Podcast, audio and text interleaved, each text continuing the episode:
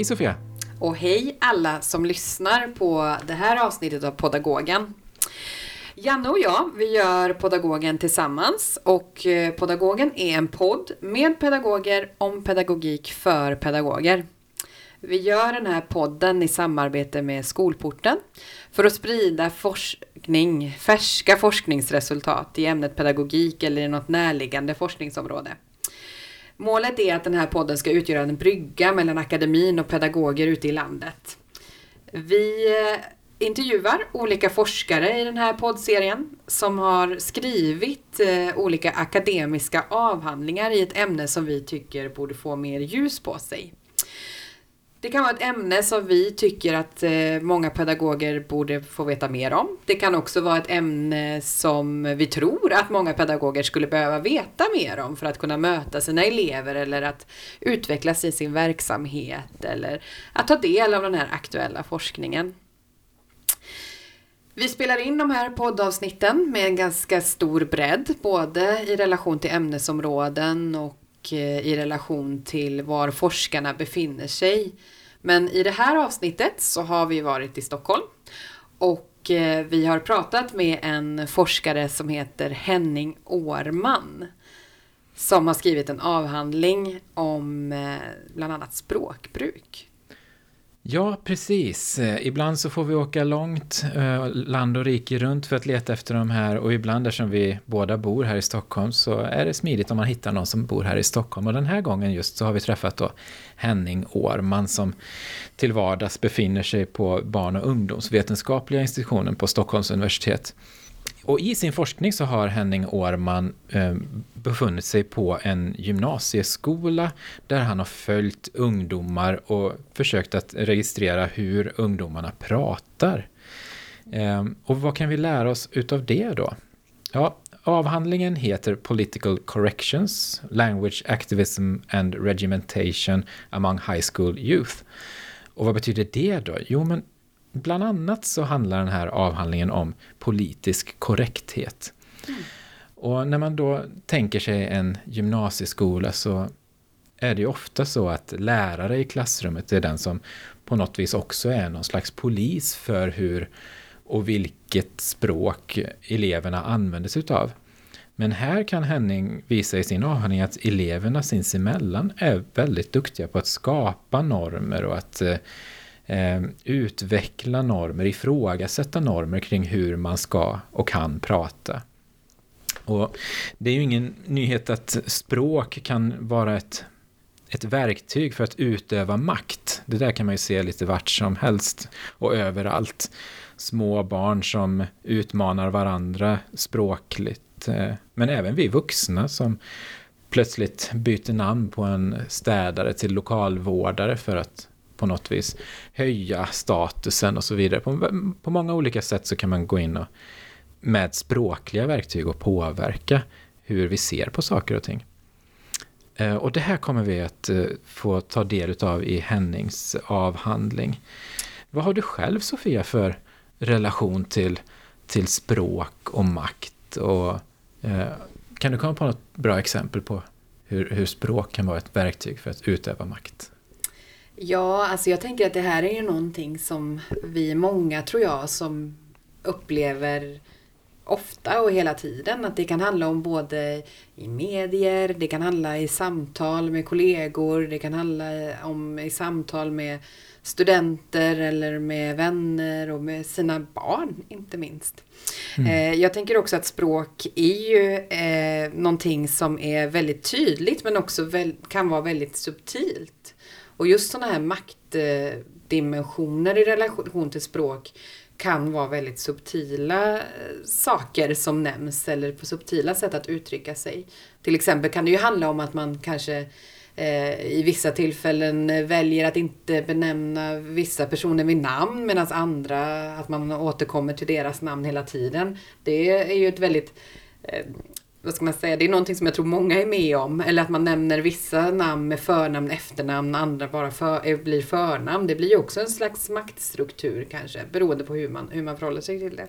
Det är också ett väldigt lätt sätt att, eh, att använda för att få människor att känna sig kanske maktlösa att eh, beroende på hur man uttrycker sig så får, kan det ju få människor att känna sig maktlösa. Om man använder ett väldigt, väldigt avancerat språk till exempel så kan ju det skapa en osäkerhet hos de som man talar med för att de inte förstår. Eller att man är rädd att man inte förstår eller inte förstår på rätt sätt. Mhm. Och jag tänker att det är ju också någonting som Henning berättar mer om. Just det här med att förstå på rätt sätt och kunna tolka saker utifrån ja, de ramar som finns eller de villkor som finns. Jag tänker just det här som eh, han också tar upp om, om kulturell appropriering och, och eh, förortsslang. Men jag tycker att vi låter Henning berätta lite mer om det här. Ja, men precis. Vi låter Henning prata om detta och jag har gjort en liten intervju med honom. Vi går över till den då.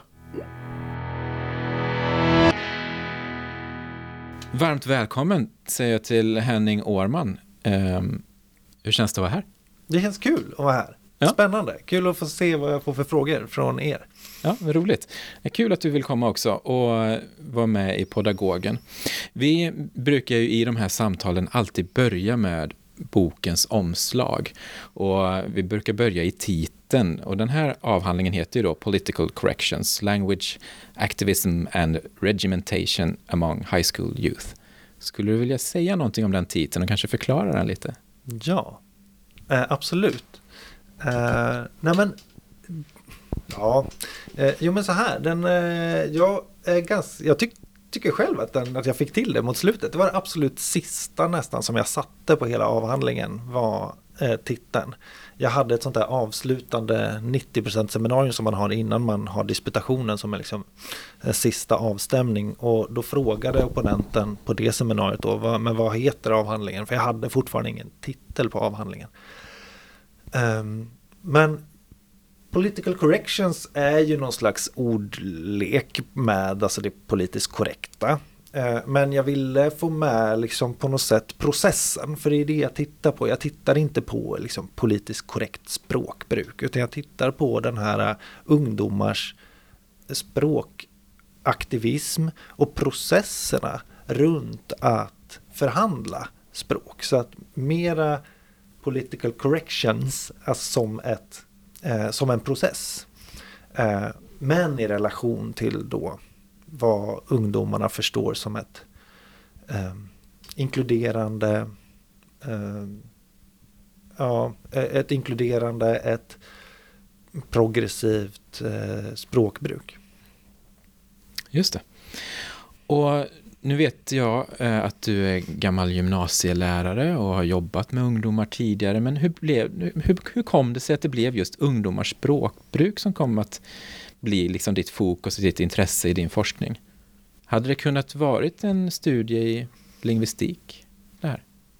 Ja, det hade det nog kunnat vara. Alltså så här, mitt, mitt intresse, mitt eget intresse för språk och politik, språk och makt är ju väldigt vägledande i eh, liksom mitt val av forskningsobjekt. Så. Samtidigt så finns det ju massa ramfaktorer här. Vad är man på för institution? Vad har jag för bakgrund och så vidare. Jag är ju gymnasielärare i svenska och historia och har läst min magister på det som då var institutionen för nordiska språk. Och med inriktning, ganska, eh, med inriktning mot sociolingvistik, alltså språk i relation till samhälle. Så det är min bakgrund. Men sen fick jag min eh, Eh, sen fick jag möjlighet att doktorera på institutionen för barn och ungdomsvetenskap. Och där är min, var min handledare Rickard Jonsson. Och de har en, ska man säga, en mera sociolog, de har en mera sociologisk inriktning, en mera, han är inte språkvetare i grunden, utan han är antropolog. Eh, hoppas jag, så jag inte säger fel nu. Eh, så att min, min bakgrund i relation till då miljön på barn och ungdomsvetenskap gav mig liksom möjlighet att, att skriva den här avhandlingen med det här temat. Och den hade nog inte, alltså temat med språk och politik och språk och makt, eh, det, det, hade, hade det varit oavsett. Jag är inte språkvetare i bemärkelsen att jag är intresserad av, eh, det är också intressant med grammatik, men alltid i relation till liksom, eh, människors levda erfarenheter och så. Mm.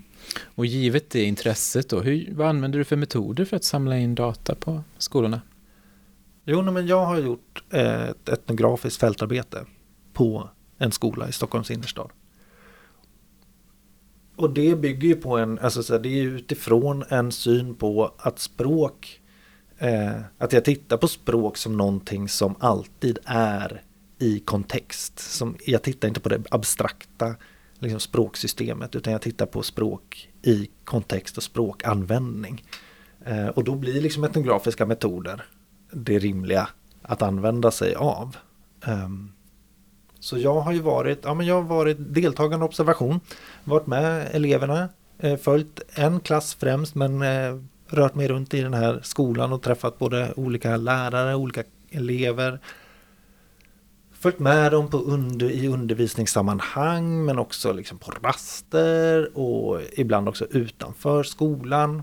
Um, och spelat in med en Eh, att man har liksom en, en, mikrofon, spelar in, det, det som kallas då för liksom, naturligt förekommande samtal i skolmiljö.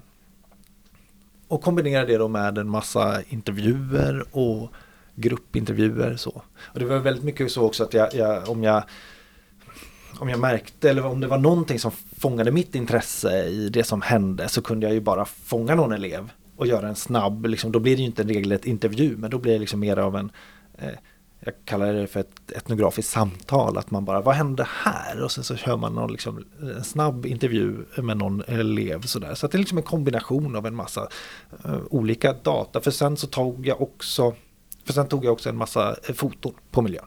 För det är väldigt viktigt, det visuella är väldigt viktigt och framträdande i min avhandling. Mm.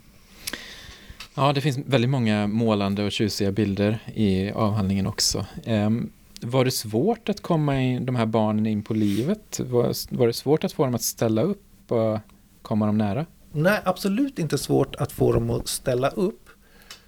Att eh, få liksom, samtycke för att de skulle delta i studien.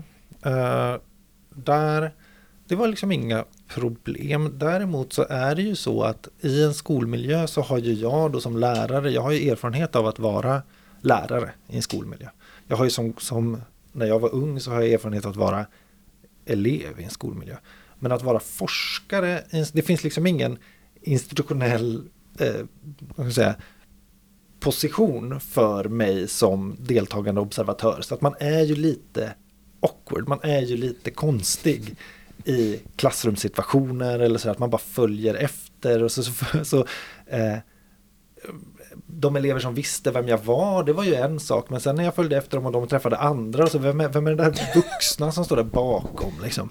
Eh, att det blir, man, det blir en massa sådana lite märkliga situationer. Och då får man ju liksom, det handlar ju väldigt mycket om att kunna stå kvar i det obekväma. Eh, och det är inte alltid så lätt. Mm. Och där kunde jag också känna att jag, jag, jag var lite orolig för så här, hur obekväm är jag för ungdomarna då? Alltså är det bara jag som är obekväm eller är de också obekväma? Så jag frågade var hela tiden, så här, är det okej okay om jag följer med här? Och så här, till slut så var de så här, ja Henning, sluta fråga, det är okej. Okay. Ja. Så det var snarare så det var, att det var jag, min, min liksom eh, känsla av att vara obekväm snarare än eh, upplevde jag det snarare än deras. Men sen så var det ju också beroende på vilka elever jag följde märkte jag att det var, var några som inte tyckte att det var liksom som inte ja, men, bjöd in mig eller där jag märkte att det inte riktigt eh, där de inte var bekväma, då var jag med andra. Jag följde efter andra. Ja, intressant. Och i etnografiska studier så Eh, har jag lärt mig att ställa frågan om forskaren själv. För att eh, det blir ju väldigt, du, du berättar att du, det är du som är ute i skolorna, det är du som följer de här eleverna och du som på sätt och vis får umgås och, och komma dem ganska nära. Men vem är du då i, i det här? Vad har du själv för relation till språkaktivism? Mm. Bra fråga, för att det där tycker jag också är så himla viktigt. Jag försöker att lyfta fram det i min avhandling. För att när man är där, som du säger, när man är där i person och så påverkar man ju det som händer på fältet. Och eh, också är det att det som, vem jag är påverkar också vad jag tittar på, vad jag är intresserad av, vilka relationer jag bygger på fält, vem, är, vem sätter jag mig vid, vid matsalen liksom. Eh, och allt det där påverkar ju sen vad som kommer ut i avhandlingen. Och jag skriver en del, det gäller att vara liksom reflexiv kring det där och då är det ju inte målet att så här, förbättra objektiviteten eller generaliserbarheten på något sätt utan vara helt ärlig med att så här, men mina erfarenheter påverkar ju också vad jag skriver om och så vidare. Om man nu ska svara på din fråga också så eh, så skriver jag fram det i min avhandling också att jag har ju, det här var en skola där många elever var engagerade i politiska frågor om antirasism, hbtq-rättigheter och så vidare. Och jag hade liksom, och jag, eh, och de frågade mig, så var, var står du politiskt? Och de hade ett skämt om att, eh, några, några ungdomar hade ett skämt om att jag var en en infiltratör från höger, en högerinfiltratör som skulle, som skulle liksom avslöja den här vänsterskolan. Och det hade jag aldrig något problem med att kunna skratta med i för att jag kunde vara helt ärlig med att vi delade på något sätt grundläggande värderingar. Och när de frågade mig vad jag röstade på och så vidare så var det liksom aldrig någonting som skar sig med de här ungdomarna i någon större utsträckning. Utan jag är också engagerad eh, i de här frågorna och har ett, ett politiskt engagemang. Mm. Jag funderar lite på de här ungdomarna och jag tänker lite spontant när jag, när jag började titta i din avhandling så tänkte jag att ja, men, vuxenvärlden är väl den som liksom styr de här ungdomarna och sätter normerna och, och bestämmer liksom hur man ska vara och, och, är förebilder. Men så kanske det inte alltid är helt givet att det är. Vad ser du i din avhandling? Vart hittar de här ungdomarna sina förebilder och sin inspiration för hur man bör tala? Kommer det normerna från vuxenvärlden eller kommer det från medier eller kommer det från något annat håll? Det där var också någonting som jag tyckte var superintressant när jag var där. För att den, den formen av språkaktivism som jag liksom såg eleverna den formen av språkaktivism som fanns bland eleverna det var ju i stor del drivet av ungdomarna själva snarare än eh, lärarna på skolan. Och att det var lärarna fick också förhålla sig till elevernas språknormer väldigt tydligt. Eh, och då var det kanske inte främst, eller det där är ju så här, var kommer språknormerna ifrån? Det är klart att det är liksom en, ett samspel mellan lärare och elever. Men eleverna kanske hittade sin inspiration i, i hög grad från eh, ja, men från en online-kontext ganska mycket. Från eh, eh, Instagramkonton och från eh, bloggar och i väldigt hög grad också från en amerikansk aktivistisk kontext. Eh, och sen så, ja. Hur märktes det? Nej, men det, när jag pratade eh, om frågorna och då kanske det inte främst var liksom språk eh, alltså språkriktighet eller liksom, eh, språkfrågor utan då var det var, var hittar ni liksom inspiration kring era politiska funderingar?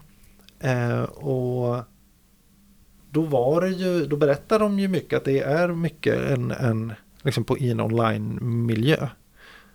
Och, och också från en amerikansk aktivistisk kontext. Eh, Ja.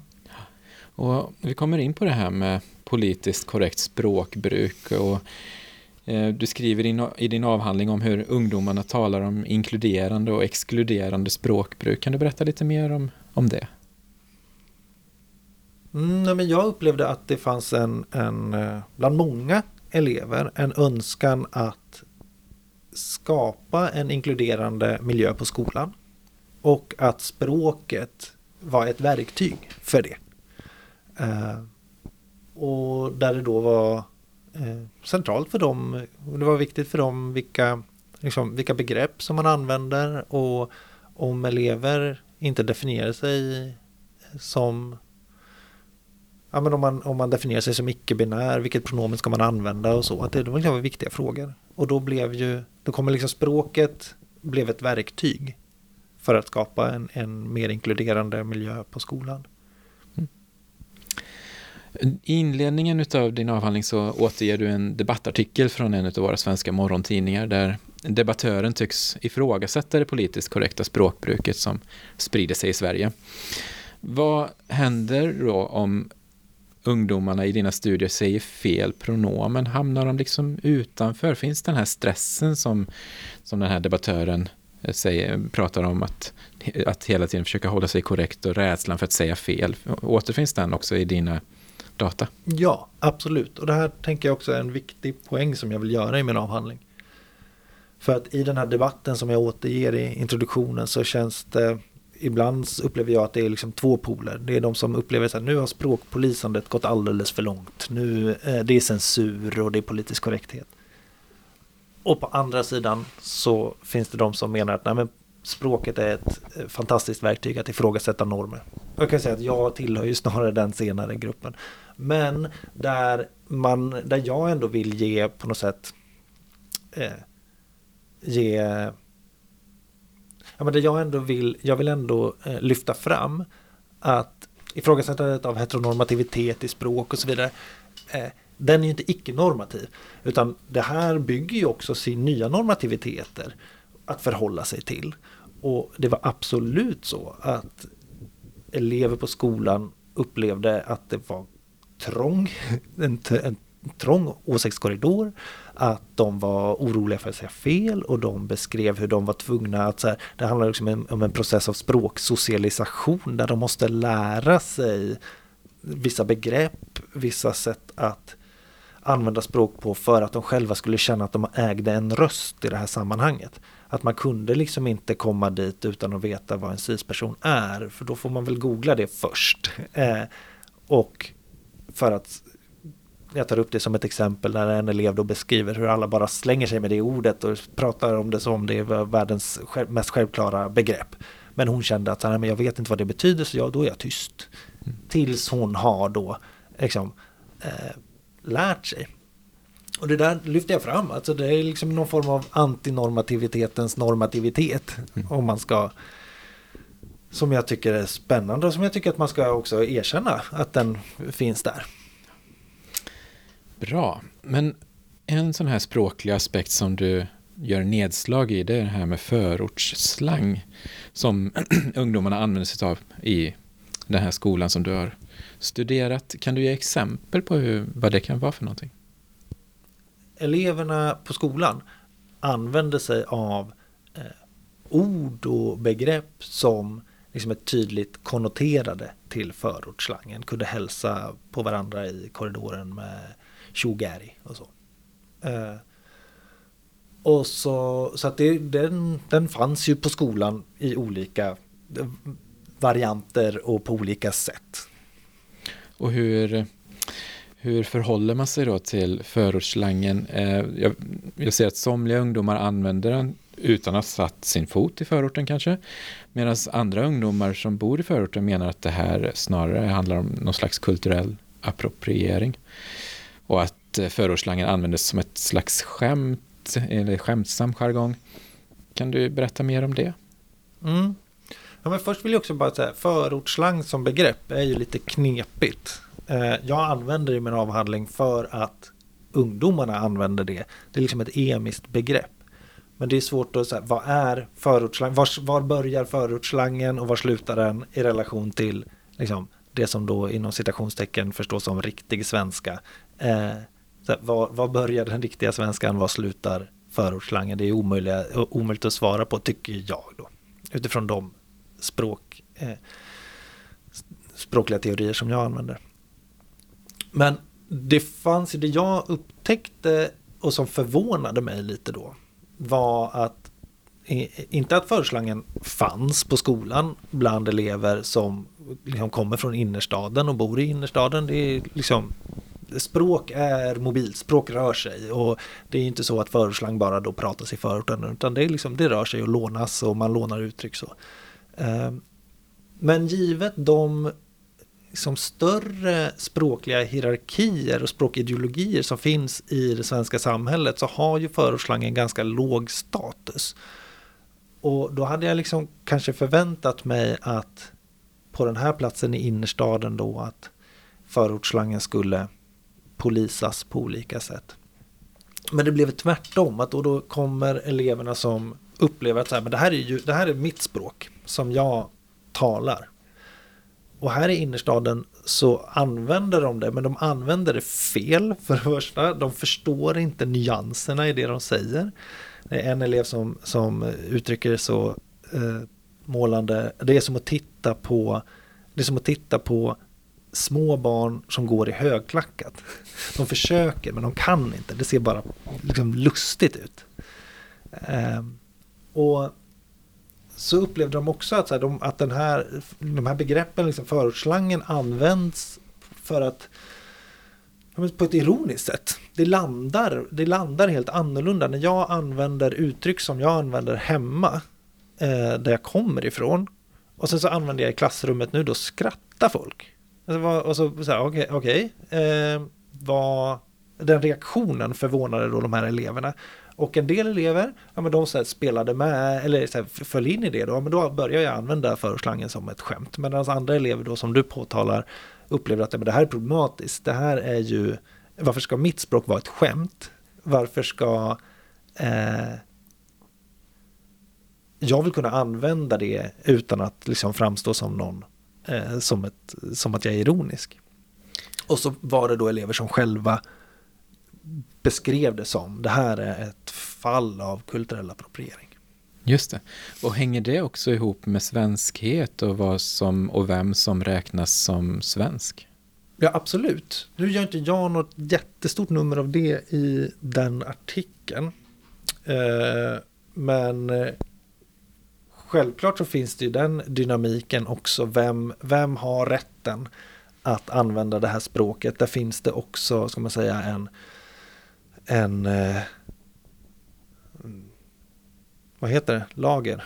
Där finns det en, på, en, på en nivå så handlar ju det också om eh, relationen svenskhet och invandrarskap och så vidare. Eh, och det lyfter ju också fram av de här eleverna som menar då att så här, men de här innerstadseleverna som är, har föräldrar som är svenska till 100% det blir konstigt när de använder förortsslangen. Jag tycker att jag får syn på väldigt mycket när jag läser din avhandling om hur ungdomarna försöker att äga sitt språk och, och att det sker förhandlingar kring det här och hur, hur man har tolkar sitt språk och hur man tolkar andra språk. Men vad tror du att vi vuxna kan lära oss av hur ungdomar språkar? Nu har du öppnat på fönstret här och vi får glutta in och titta lite på hur det, hur det faktiskt görs. Vad lär vi oss? En lärdom som jag gärna vill erbjuda är väl ungdomarnas, alltså att, att se ungdomarnas eh, som kompetenta språkbrukare, att inte nödvändigtvis se dem som eh, mottagare av vuxenvärldens språkliga normer, utan som aktiva skapare av normsystem som också vuxna måste förhålla sig till. Um, och uh, som också som reflexiva språkbrukare. Så det tycker jag att man kan som vuxen ta med sig. Kan du i ljuset av dina studier eh, säga någonting om ungdomars språkbruk eller språkbrukets betydelser för ungdomarna eh, som en slags spaning för framtiden? Mm, Språk är ju liksom i rörelse ja, och det sker liksom hela tiden saker med språket och det utvecklas. Det är organiskt. Absolut. Men vart är vi på väg? Vart är vi på väg? Jättebra fråga jag har liksom disputerat och så, och så, släpper man vart vi är på väg. Eh, vart är vi på väg? Eh, om man säger att de här ungdomarna är någon slags eh, eh ligger, upplevde jag, väldigt, ganska mycket i framkant vad det gäller liksom språkliga normer. Inte i framkant i bemärkelsen att det är liksom de, de, de bästa, utan, utan att de var väldigt eh, snabba på att ta upp trender eller eh, diskurser så och omsätta det i språklig praktik.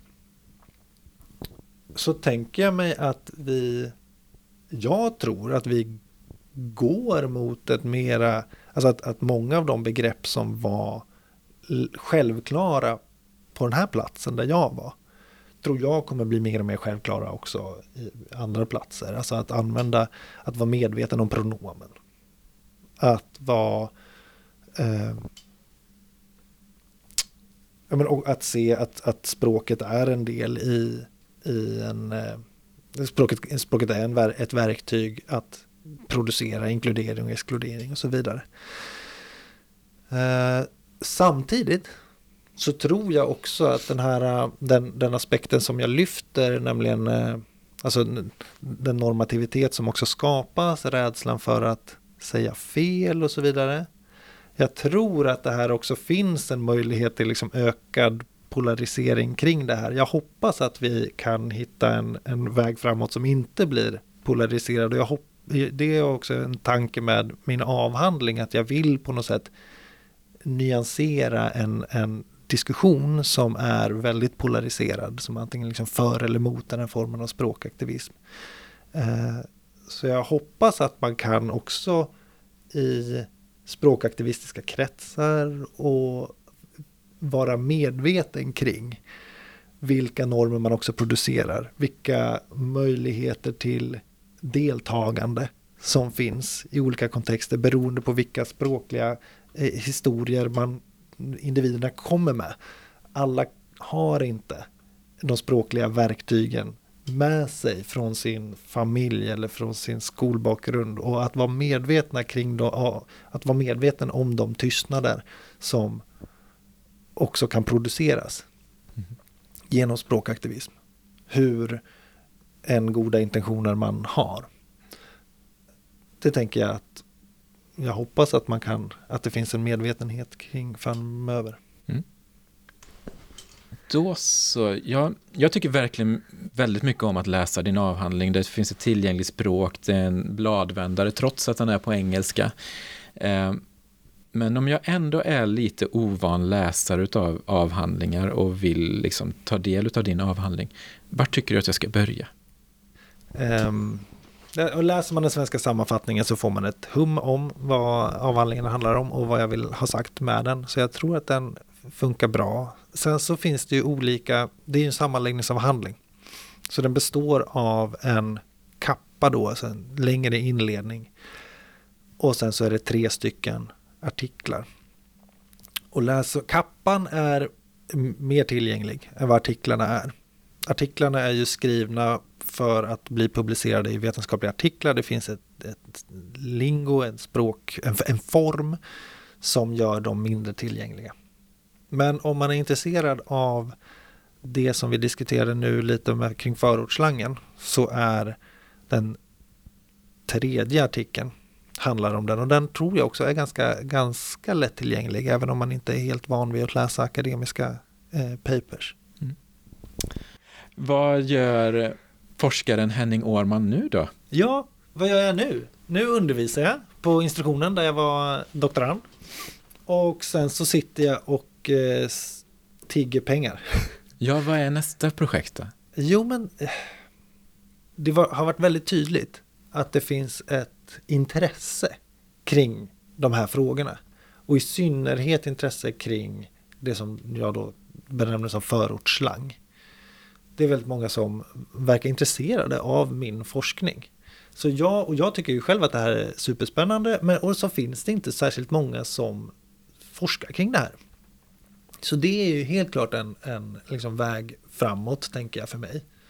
Att försöka hitta möjligheter att få eh, jobba vidare med med förortsslang idag i relation till unga och skola. Um, så det skulle jag gärna göra vidare. Mm. Kul, det ser vi fram emot. Eh, avslutningsvis, någon, någon, som lyssnar på Pedagogen är förmodligen intresserad av pedagogik och så har man kommit till det här avsnittet och, och, och blivit väldigt intresserad och man har läst din avhandling. Finns det något ytterligare som man kan gå vidare och läsa som är tillgängligt som kan bli? Jo men en, eh, jag får göra reklam för min handledare, Rickard Jonsson. Han eh, har ju skrivit eh, både hans egen avhandling som heter Blatte betyder kompis, men också hans fortsätt, alltså hans eh, han har också släppt en bok 2015 som heter Värst i klassen. Och han, eh, nu skriver ju inte jag en monografi, en etnografisk monografi på det sättet som han gör. Men jag blir så himla imponerad av hans sätt att eh, försätta läsaren på plats i skolan. Eh, man får liksom Ja, han skriver etnografi i mer en traditionell bemärkelse som gränsar mot det skönlitterära. Och eh, han har en förmåga som jag tycker är, eh, eh, en förmåga till det som jag, som jag blir imponerad av. Så jag skulle kunna rekommendera hans eh, böcker om man är intresserad av skola och språk. Men också vill ha någonting som en, en, en bladvändare där man verkligen får följa ja, karaktärer eh, och elever och man får vara med i den där miljön. Så det hans böcker skulle jag verkligen kunna rekommendera. Om man är intresserad, om man tyckte att min eh, forskning var intressant. Då tycker man att hans böcker är intressanta också. Ja, och med det så säger jag stort tack för det här samtalet. Tack så mycket, kul att vara här. Mm. Tack för det här spännande samtalet. Jag tycker att det är jätteintressant med alla de här sakerna som Henning tar upp och som han har studerat i sin avhandling. Och jag tror att mycket av det som Henning behandlar i den här intervjun och som han tar upp och som pratar om i, den här, i det här samtalet. Det är någonting som väldigt många kan ha stor nytta av att veta mer om. Så jag tyckte det var jätteintressant och också intressant i relation till eh, ja, men det här med inkludering och exkludering som vi var inne på precis innan vi lyssnade på intervjun.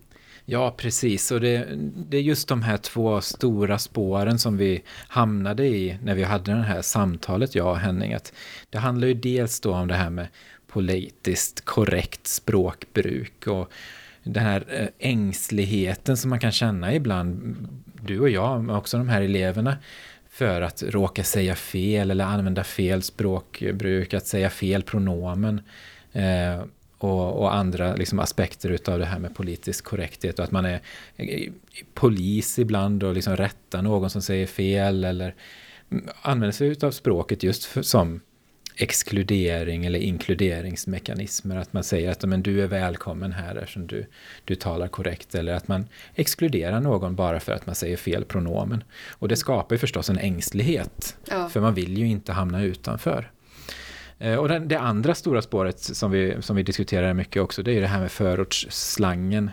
Eh, och hur somliga elever på den här skolan då använder sig av förortsslang utan att någonsin ha satt sin fot i förorten. Mm. Medan andra elever som kommer till den här gymnasieskolan faktiskt bor i förorten och då känner att eh, de här andra elevernas språkbruk förlöjligar förortsslangen eller blir en slags kulturell appropriering. Och det, det, är också ett sätt att utöva makt förstås. Att, mm att eh, trycka ner andras språkbruk eller att höja någon annans. Och precis som du säger, jag håller med dig. Jag tror att väldigt många skulle få sig en ögonöppnare av att kika i den här avhandlingen. Um, nu är det som vi säger i intervjun att den är på engelska och vissa delar kan vara ganska tekniska och lite svåra kanske. Men det finns en svensk eh, sammanfattning som man kan börja i om man om man är intresserad och sen fortsätta och fördjupa sig i de här olika eh, delarna av avhandlingen som man tycker är mest intressant. Ehm, I förlängningen så handlar det förstås också det här med förortsslangen om vad är okej? Okay? vem, vad är svenskhet? Vem är svensk? Och vem, vem upplevs som, som en, en utav oss, så att säga? Jag tycker också det är intressant för att språket förändras ju och jag tänker att det måste få lov att göra det. Eh, och det finns så mycket bra i förändring av språk, att vi faktiskt utvecklar språket och hittar nya ord och eh, att det blir sätt att arbeta med, med att möta makten eller, eller att kunna arbeta med motstånd mot makt, eh, olika maktdimensioner och att, att det inte är någonting som är fixerat och stabilt utan att det faktiskt är någonting som också kan förändras. Samtidigt som man verkligen, verkligen kan förstå upprördheten som de här eleverna också ger uttryck för. Att, eh, eh, att när någon tar en språk, att man har ett språk som man, som man äger och att någon annan plötsligt ska försöka ta ägandeskap över en språk, det är ju eh, det är ju komplext och det är inte så enkelt för då, det handlar ju också om att förflytta makten eller det sker en maktförskjutning mellan olika individer och hur man pratar och hur man kan, eh, ja, när man anses okej okay och när man inte anses okej. Okay. Mm. Eh, och det tycker jag, det är ju väldigt, ja, det är ju väldigt intressant och också väldigt svårt. För det är svårt att veta hur man ska, hur man ska bemöta detta. Ja. Och för min del så var det i alla fall en, en ögonöppnare att börja vända lite på, på perspektiven. För min, min föreställning om språk det är att vi som vuxna är väldigt mm. drivande i att utveckla språket, att bestämma vad som är rätt och fel och vara, vara den som skapar normen och sen förmedlar den till nästa generation. Men här visar det sig att ungdomarna i väldigt stor utsträckning är med och, och gör motstånd eller, eller spelar med i de här olika maktspelen. Väldigt befriande mm. och väldigt lärorikt för oss att, eh, att titta på faktiskt och att kunna lära oss något om hur vi förhåller oss till språk. Mm. Mm. Och med det så får vi kanske börja runda av. Ja, det tycker jag. Och eh, vi skulle vilja avsluta det här avsnittet eh, genom att tacka eh, våra samarbetspartners. Vi skulle vilja tacka Skolporten som eh, är eh, en av huvudpersonerna för den här eh, podden. Vi skulle också vilja tacka MT Talks och SO Medieproduktion som är med och sponsrar den här podden. Inte minst genom våra inspelningstekniker. Eh, vi brukar också i slutet av eh, de här avsnitten uppmuntra våra lyssnare till att tipsa oss om eh, personer och avhandlingar och spännande aktuell forskning eller teman som ni vill att vi ska ta upp i Podagogen. Vi finns på Instagram, där heter vi Podagogen och eh, vi finns på skolporten.se. Eh, vi finns också på både Stockholms universitet och Södertörns högskola. Och håll er gärna uppdaterade om kommande avsnitt och kontakta gärna oss om ni vill. Med det, så tack för att du har lyssnat på Podagogens eh, nya avsnitt och vi hoppas att eh, ni fortsätter att följa oss. Ha det bra! Ha det fint!